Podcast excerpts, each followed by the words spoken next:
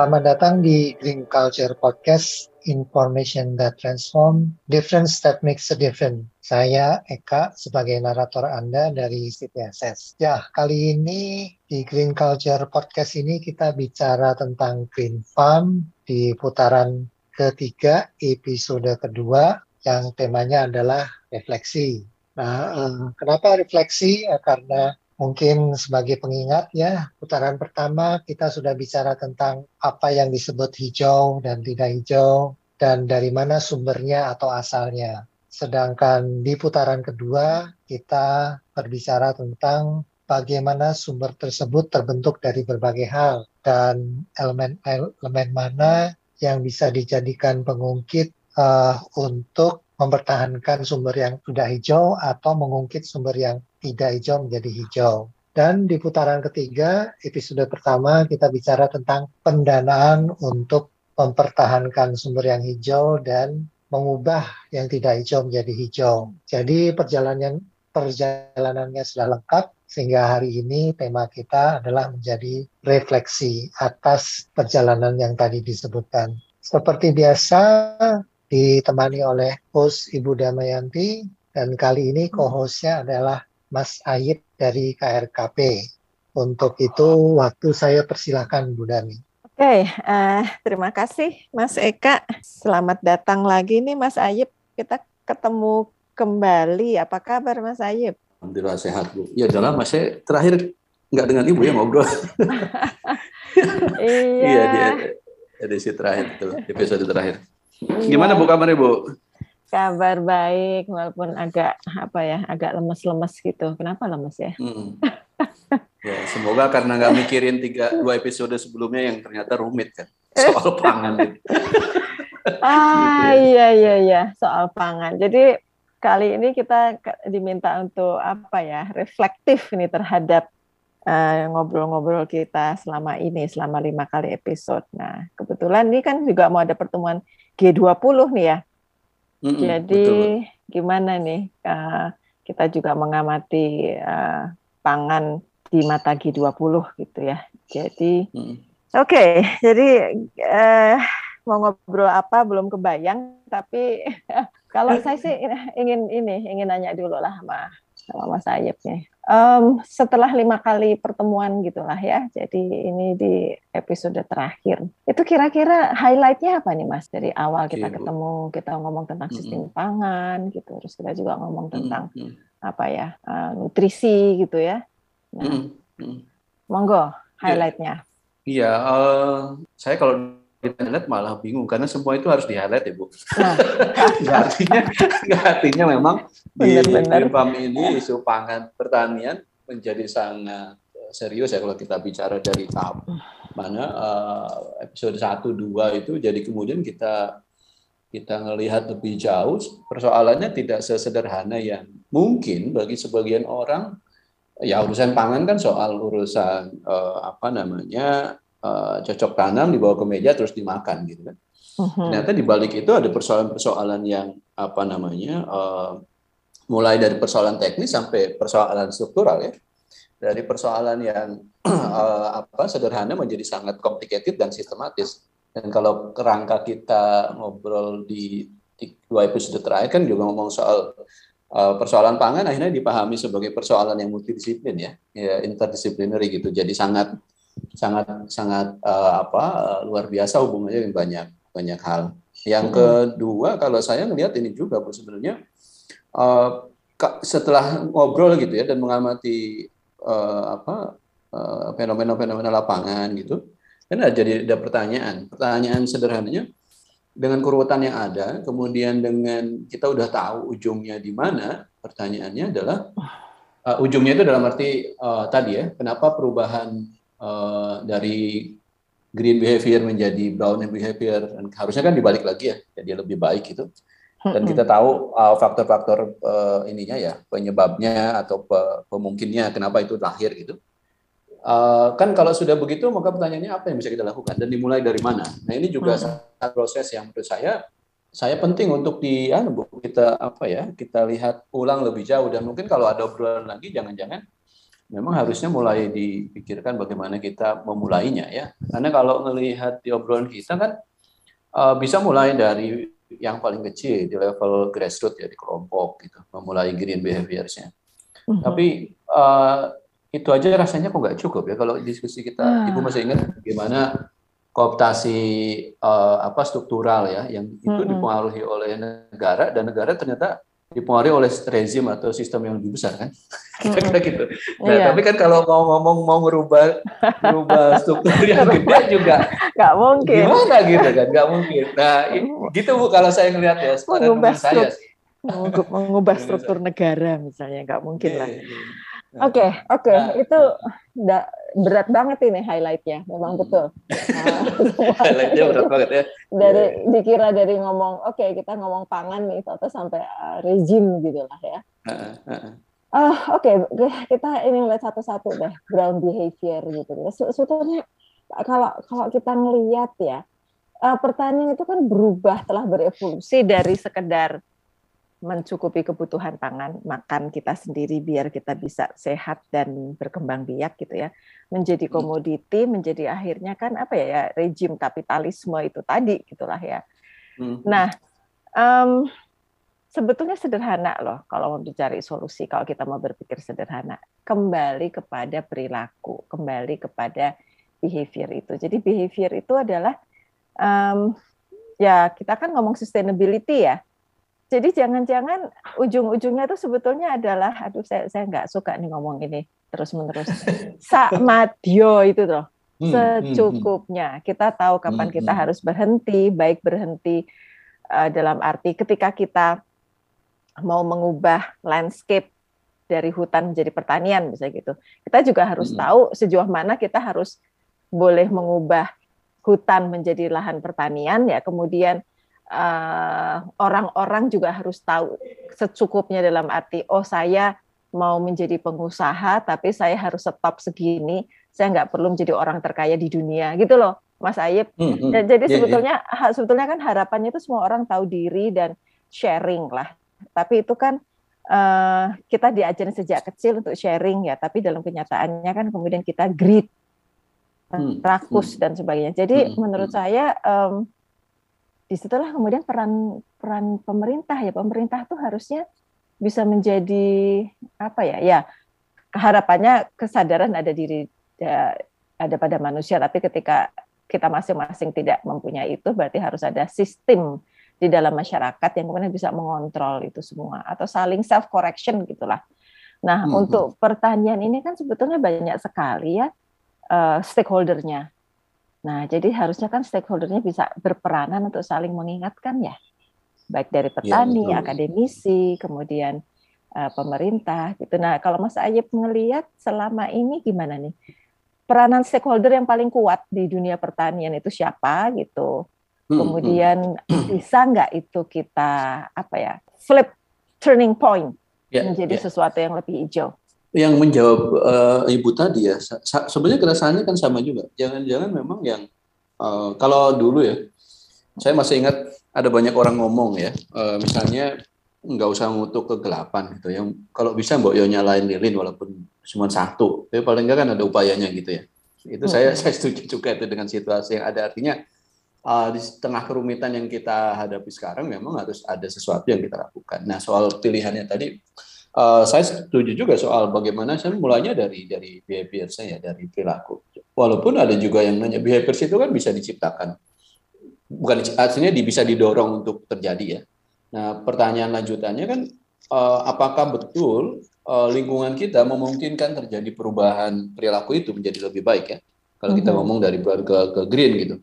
Nah itu mhm. kita bisa lacak lebih jauh kan di apa kalau di konteks uh, apa pemerintah dan negara ini ya yang paling mungkin kan aturan ya Bu ya kalau menurut saya uh-huh. apakah aturan-aturan itu memungkinkan terjadinya uh, perilaku yang green tadi gitu kalau enggak berarti kan ada sesuatu yang yang harus di di apa di uh, di dikuatkan ya Koreksi. itu kalau dari ngomong ngomong dalam konteks uh, legal formal aturan tapi kan kita juga punya apa namanya norma dan value nilai-nilai yang yang tumbuh dan berkembang di masyarakat yang itu memang enggak nggak formal, tapi itu juga membentuk behavior orang. Ya. Uh-huh. Uh, uh-huh. kita dan dan menurut saya Indonesia ya terutama itu beruntung banget gitu karena kita satu diciptakan dengan beragam uh, etnisitas, beragam yeah. kelompok budaya dan pasti ada value. Oke ah. oke. Okay, okay. Ya, menurut terus, hemat terus. saya, dan menurut hemat saya uh, kita rasanya ya, bu dalam konteks formal sih oke okay lah dengan peraturan ya dibuat sama kan, karena harus ya ada common sense gitu. Soal ya. undang-undang yeah. dan seterusnya. Tapi ngomong soal behavior dan seterusnya, itu akan lebih kuat ketika uh, peraturan formal itu didukung oleh nilai-nilai yang tadi sangat beragam sebenarnya sama dalam konteks uh, ke arah baiknya ya ke arah yang hmm. baik kan semua nilai nggak ada ya di komunitas hmm. misalnya Baduy kita ngomong dengan komunitas teman-teman di mana uh, uh, Manggarai Timur saya baru dari sana kemarin misalnya. Sama kok nilainya gitu. Cuma pembahasan dengan caranya yang berbeda mungkin.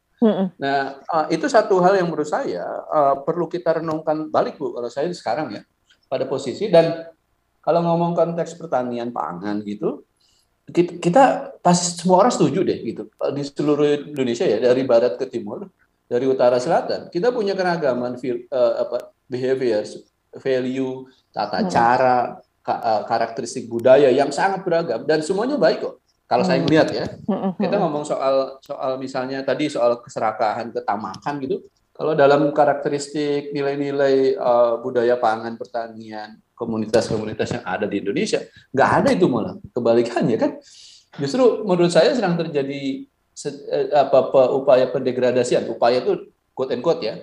Uh, misalnya dari sharing sharing food, sharing knowledge, uh, sharing empathy, sharing value antar komunitas zaman dulu ya di sini Bu Ibu juga belajar banyak saya kira di Jawa terutama juga di Sunda lah. Ada loyit loyit itu kan simbolisasi ruang ruang belajar, ruang berbagi, ruang kalau nggak mesti semua dipenuhi harus dari pasar ya. Kalau orang ada yang kelaparan, yeah. boyo nggak usah serakah, boyo bagi, punya kamu yeah. punya masih punya lebih, kira gitu ya. Nah sehingga menurut saya jadi pertanyaan yang kedua dari ibu. Kemudian mulainya dari mana? Aktornya siapa? Nah kalau begitu menurut hemat saya balik ke Indonesia Nusantara itu tadi. Dan kalau kita hmm. ngecek di komunitas, di desa, siapa sih sesungguhnya yang uh, kalau mau jadi lead uh, untuk uh, changing behavior uh, orang gitu ya, ya petani komunitas desa menurut saya. Itu yang harus di, di titik itu dikuatkan, nilai dikembalikan. Siapa hmm. tahu ya dengan nilai-nilai kecil di banyak Indonesia. Dengan tadi juga ada upaya perombakan, bukan perombakan, ya perbaikan gitu kira-kira di legal hmm. formal peraturan kita struktur ya ketemu hmm. gitu harapannya jadi lebih baik walaupun ini ngomongnya kan enak nih gampang prakteknya ibu juga tahu gimana susahnya gitu iya. situasinya juga kan nggak sama dengan uh, 10 iya, iya. 20 tahun lalu gitu. itu sih bukannya saya ngelihat iya. nah Tapi, nah ibu sendiri kan ngelihat bu sorry saya mau jadi baik aja kayak ibu nah, ngomong misalnya soal uh, kita ngomong soal agroekologi lah ya uh, saya menemukan banyak sekali sebenarnya nilai-nilai di uh, kelompok-kelompok masyarakat dengan uh, yang sangat beragam itu ya, hmm. semuanya ngomongnya ekologis bu. Hmm. Saya ya menemukan, misalnya kemarin saya ke mana ke Manggarai, satu desa namanya uh, Leba gitu. Nah itu ada kayak macam lumbung juga, jadi ada tempat uh, apa namanya hmm. uh, pertemuan, tempat menyimpan benih segala macam. Dan di situ diatur hmm. mau nanam apa, berapa banyak, nanti panen kamu nyimpen berapa di sini berapa di rumah itu kan sedang saya terus mikir ya, ya inilah yang disebut dengan perilaku yang tadi yang hmm. baik itu yang nggak serakah yang nggak tamak karena dipertimbangkan berapa banyak untuk orang lain berapa banyak untuk uh, dibalikan ke apa ke alam ke, ke tanah ke lahan berapa banyak yang diambil gitu mereka ada rapat tahunan gitu musim tanam nah ibu ngelihat kalau saya balik ke ibu refleksinya gimana bu terkait dengan bahwa nilai-nilai apa uh, perilaku masyarakat sebenarnya yang yang asli Indonesia Nusantara ini kan ekologis hmm. banget dan kalau ngomong ekologis kalau bagi saya ketika ngomong bicara ekologis itu itu hmm. adalah keselarasan hidup yang yang paling dalam gitu karena hmm. dia udah nggak mikir ini ini aku harus dapat banyak manfaat yang lain lapar yang lain susah masa bodoh kan enggak kalau dalam konteks saya maknanya begitu itu bu saya jadi uh, dengar Ayep gitu jadi ingat ini uh, diskusi kemarin sama teman-teman tentang ini hmm. loh Yep regionalisasi Sasi pangan, pangan. Yeah, yeah. Uh. gitu jadi hmm. yang baru disampaikan oleh Ayep itu jangan-jangan menggambarkan itu regionalisasi itu ketika kita bicara sistem pangan, tadi Ayub sudah mengatakan sangat beragam di Indonesia dengan budaya dan ekologi yang berbeda gitu ya. Jadi untuk sustainability itu kita harus kembali menengok apa yang sebetulnya ya lagi-lagi ngomong kearifan lokal ya. Kearifan lokal yang sebenarnya sudah dibangun karena uh, budaya yang sudah selaras ekolo secara alami itu, jadi udah ekologis itu. Jadi sebetulnya Indonesia itu sudah punya tuh sistem pangan yang berkelanjutan itu sudah ada ya. Nah harapannya regionalisasi sistem pangan itu ya kan pertanyaan kan sebetulnya apa sih ini regionalisasi? Kemudian ada teman-teman yang takut, oh nanti itu jangan-jangan justru menjadi alasan untuk apa pengembangan food estate gitu ya. Hmm. Tapi kalau menurut saya regionalisasi itu justru kita harus menggali dari dalam sendiri, dari daerah-daerah tersebut apa yang ada di situ, kemudian itu diangkat, kemudian itu menjadi sebuah apalah mau dikatakan ada peraturan lokal kayak apa gimana itu yang harusnya justru dikembangkan oleh oleh eh, Indonesia gitu. Jadi kita bukan hanya jargon kosong mengatakan oh kita kayak budaya oh gitu itu sudah bukan jargon lagi tapi kita walk the talk. Hmm. Kita menjalankan apa yang kita sudah miliki dan kita kita tahu kita miliki dan itu jadi sekaligus menjadi apa ya conserve ya kita conserve budaya um, berdasarkan pengetahuan lokal yang sudah beratus-ratus tahun bahkan beribu-ribu tahun kali. Beribu-ribu tahun enggak ya? Tapi uh, tapi saya, saya tuh khawatirnya gini loh mas. Oke okay. di satu pihak ada nih teman-teman ya kayak Mas Ayib gitu kemudian yang menemukan oh sebetulnya kita sudah punya ini ini dan sebagainya. Tapi kemudian ketika itu jadi peraturan ya kan Kemudian hmm. orang kan menerjemahkan peraturan itu kan dengan apa ya? Ya mereka kemudian menerjemahkan sendiri berdasarkan pemahaman mereka dan kemudian di situ lagi-lagi terjadi apa ya? Terjadi pendangkalan gitu ya. Yeah. Jadi kalau saya sih eh, melihat um, apa ya? Saya bukannya skeptis ya, tapi ya agak agak skeptis ketika kita kemudian kita bicara tentang regionalisasi dan ini adalah kesempatan. Kalau itu tidak hati-hati di apa ya dikawal tapi gaya banget ya mengawal ya. Kalau itu tidak hati-hati diterapkan ya kemudian iya, akan iya. kembali lagi ke cerita yang lama gitu so nothing yeah, change yeah, yeah. berjalan di tempat. Itu mm -hmm. pendapat saya. Ya Bu saya nyambung dengan saya ada pikir yang dan kekhawatiran saya uh, ada juga ya um, terkait misalnya uh, tadi ya bahwa di komunitas di Nusantara ini di banyak daerah wilayah masyarakat punya banyak nilai segala macam dan itu uh, kita rasanya ya kalau yang pemikirannya mirip-mirip dengan saya mungkin dengan ibu juga itu harusnya jadi jadi modal kan untuk me, apa, menguatkan uh, apalah namanya terserah mau regionalisasi mau sistem pangan. Dari dulu kan kita udah track-track juga udah ngomong bahwa kebijakan pangan pertanian kita nggak boleh dibikin sama rata kan. Mm-hmm. Uh, jadi harus sesuai dengan karakteristik. Ngomong sederhana dalam konteks teknis lah gitu. Uh, Indonesia Timur yang NTT NTB sebagian ya itu yang semi arid misalnya kan nggak bisa dilihat cara pandang dengan cara pandang uh, apa paradigma Jawa tuh. Mm-hmm. Yang infrastrukturnya, yang airnya, yang tanahnya berbeda, culture-nya berbeda gitu. Dari dulu kita udah dorong itu dan berharap sih sebenarnya uh, regionalisasi itu kalau saya sendiri memaknai bahwa uh, regionalisasi itu sebenarnya tadi uh, mengidentifikasi behaviors, values juga itu di situ yang sistem ya termasuk sistem lokalnya itulah yang kita sebut dengan regionalisasi. Nah hmm. PR-nya kemudian memang pun saya sepakat dengan ibu. Udah banyak contohnya lah. Uh, ketika dinaikkan di peraturan ya jadi peraturan jadi program jadi kebijakan ujungnya seragam lagi gitu ketika kita ngomong contoh lah uh, ini apa namanya undang-undang desa nih sih agak melenceng sedikit sebagai ilustrasi saja. Uh, dulu uh, dulu ya uh, ketika desa dibangun seragam gitu ya, dibikin sama gitu, kita semua teriak kan, loh desa harus punya otonomi dong, harus punya apa namanya kebebasan sesuai asal usul dan karakteristiknya gitu. Akhirnya keluar undang-undang undang-undang desa kan, beri kewenangan yang penuh gitu. Tapi rupanya dengan undang-undang itu juga masih ada pengikatan kan kemudian ada penyeragaman lagi. Contoh apa? Tiba-tiba semua desa harus bikin bumdes. Saya saya sebentar. Hmm. ketika ngomong dengan undang-undang desa diberi kebebasan karena misalnya di Padang ada apa namanya ada sistem sendiri di mana ada sendiri pengelolaan aset uang dan seterusnya tiba-tiba harus dibikin model model sama bumdes gitu. Terus ngapain ada undang-undang ini? Satu. Yang kedua saya sama juga bu. Jadi hari ini kan kalau kita diskusi misalnya dengan Pak Aryadi dan teman-teman ya, Prof. Aryadi, hmm. kita bisa belajar juga bahwa uh, hari ini uh, state capture-nya terjadi gitu. Jadi sering kali ketika yang kita pikirkan bagus dari bawah kemudian diangkat ke formalistik, ke legal, hmm. itu kemudian tidak hanya uh, keluar dari dari yang seharusnya. Hmm. Pada tataran yang lebih tinggi justru dimanfaatkan oleh kelompok tertentu untuk membuat uh, apa memenuhi kehasrat tadi yang ibu ya. bilang tadi itu, ya, ya kan keserakahan ke kelompok tertentu itu. Contoh dan yang akhirnya kalau saya lihat akhirnya uh, nilai-nilai itu juga jadi tetap direkognisi dengan kadar yang makin dangkal gitu tadi dibilang ya. Uh, uh, ya sekedar aja formalistik. Saya mau ngambil hmm. satu contoh yang lain bu. Ini ini renungan saya lagi juga soal uh, organik bu. Hmm. Ya dulu kan sebenarnya tadi yang kita bilang dari zaman dulu mbah kita nanam ya organik. Belum ada istilah organik aja mereka udah nanam.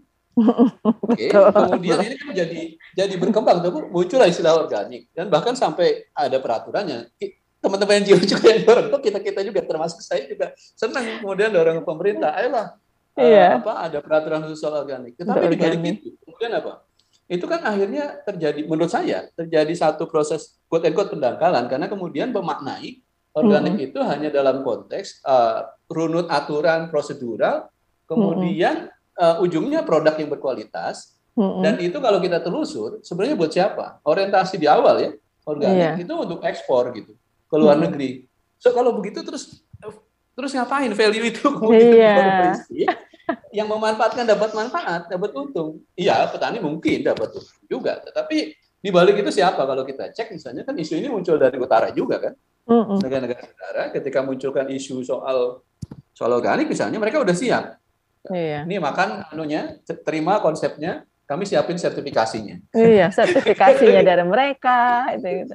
Produknya nah. lari ke mereka. Nah, saya saya pikir uh, akhirnya saya pikir begini, Bu. Uh, betul pertama lah kalau saya tadi dia di grassroots dikuatin lagi segala macam. Yang kedua memang perlu kerja keras mengawal proses kalau tadi ya ngomong konteks regionalisasi dan seterusnya yang food system sedang di develop oleh pemerintah misalnya, maka kita harus fight di situ. Bagaimana si konsep ini tidak kemudian jadi dimanfaatkan atau bahkan dimakan oleh tanda kutip ya dimakan oleh kelompok-kelompok tertentu yang mereduksi pemaknaan yang kita nah, uh, yang kita punya gitu. Setuju. Gitu, Setuju banget. Setuju banget. Jadi kita harus selalu uh, memperhatikan ya bahwa ah saya saya nggak mau bilang kaum kaum itu ya tapi intinya gini kita kita harus hati-hati dan waspada. Karena pada setiap sudut akan selalu ada usaha-usaha untuk mereduksi apa pun itu gitu jadi kita harus belajar dari masa lalu juga ketika kita teriak-teriak oh organik is good organik gitu kemudian dimanfaatkan kita ngomong tentang undang desa gini-gini oh dimanfaatkan jadi mereka tuh lebih pinter gitu dari kita kita kang Ayub ya, kitanya ya. aja yang ya, dibodohin gitu Nah, Bu, saya ngomong soal itu. Uh, okay. Ini kan nggak bisa nggak bisa juga. Artinya pertanyaan lagi ya. Kemudian selain masyarakat, selain masyarakat desa, siapa yang ah, sebagai subjek ya? Sebagai subjek utamanya mereka. Tetapi kan mereka juga nggak bisa, uh, nggak akan kuat melakukan perubahan uh, apa behavior yang itu challenge-nya ada di struktur, sehingga harus hmm. banyak dukungan. CSO oke okay lah. Misalnya sebagian besar pro dengan itu. Nah, yang saya lagi pikir juga sebenarnya kan ini mau jujur-jujuran juga uh, akademisi harusnya menjadi satu kekuatan baru menurut saya ya. Jadi hmm. kekuatan karena kalau kita cek nggak apa-apa ya Bu ya kita agak begitu-begitu ya ngomongnya. Iya, iya. aku langsung ah, aku langsung kita kalau bayang aduh akademisi jadi oh, kita terusin terusin.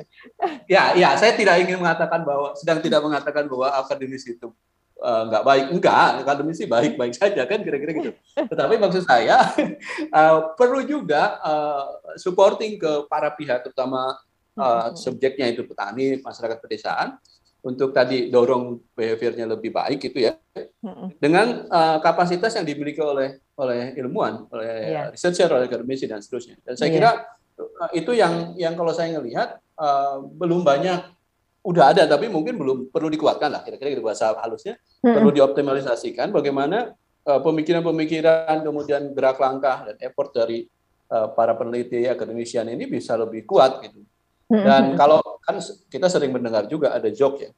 Um, hari ini waktunya sudah habis untuk kerjain project gitu kan. Project itu dari siapa? Tentu saja tadi yang mempengaruhi polisi segala macam itu. Dan itu sudah pasti. Sudah pasti iya. bukan bukan bukan petani kan, bukan kelompok masyarakat pedesaan gitu. Iya iya. Nah ini, ini wow. jadi PR juga menurut saya bu. Iya iya. Soalnya kok akademisinya juga ya sekarang tuh kan ada hegemoni apa ya kapital yang luar biasa dari negara-negara utara lah gitu ya. Sehingga akademisi yang uh, harusnya berpikir kritis dan sebagainya tuh kemudian saat ini saya rasa juga sedang uh, direduksi juga untuk menjadi memenuhi uh, ukuran-ukuran kuantitatif yang kaitannya hubungannya ya lagi-lagi untuk kekuasaan tertentu itu. Jadi sebetulnya kehidupan ini kita kita ngomong dari pertanian kok kita jadi ngomong tentang politik. Enggak, tapi, nah itu ya. ya tapi Allah. memang kan pada pada akhirnya Bu uh, ketika ngomong pertanian ngomong uh, apa pangan itu nggak bisa kita kita lepaskan Lepas. dari konteks betul. politik ya. Betul betul. Uh, sehingga betul. sehingga usul saya juga sebenarnya juga perlu kita kita pikirkan bagaimana membangun satu gerakan politik pangan yang baru ya. Yang tadi mm -hmm. sumbernya dari uh, value uh, apa namanya tata nilai yang ada di Indonesia di Nusantara yang komunitinya banyak tadi.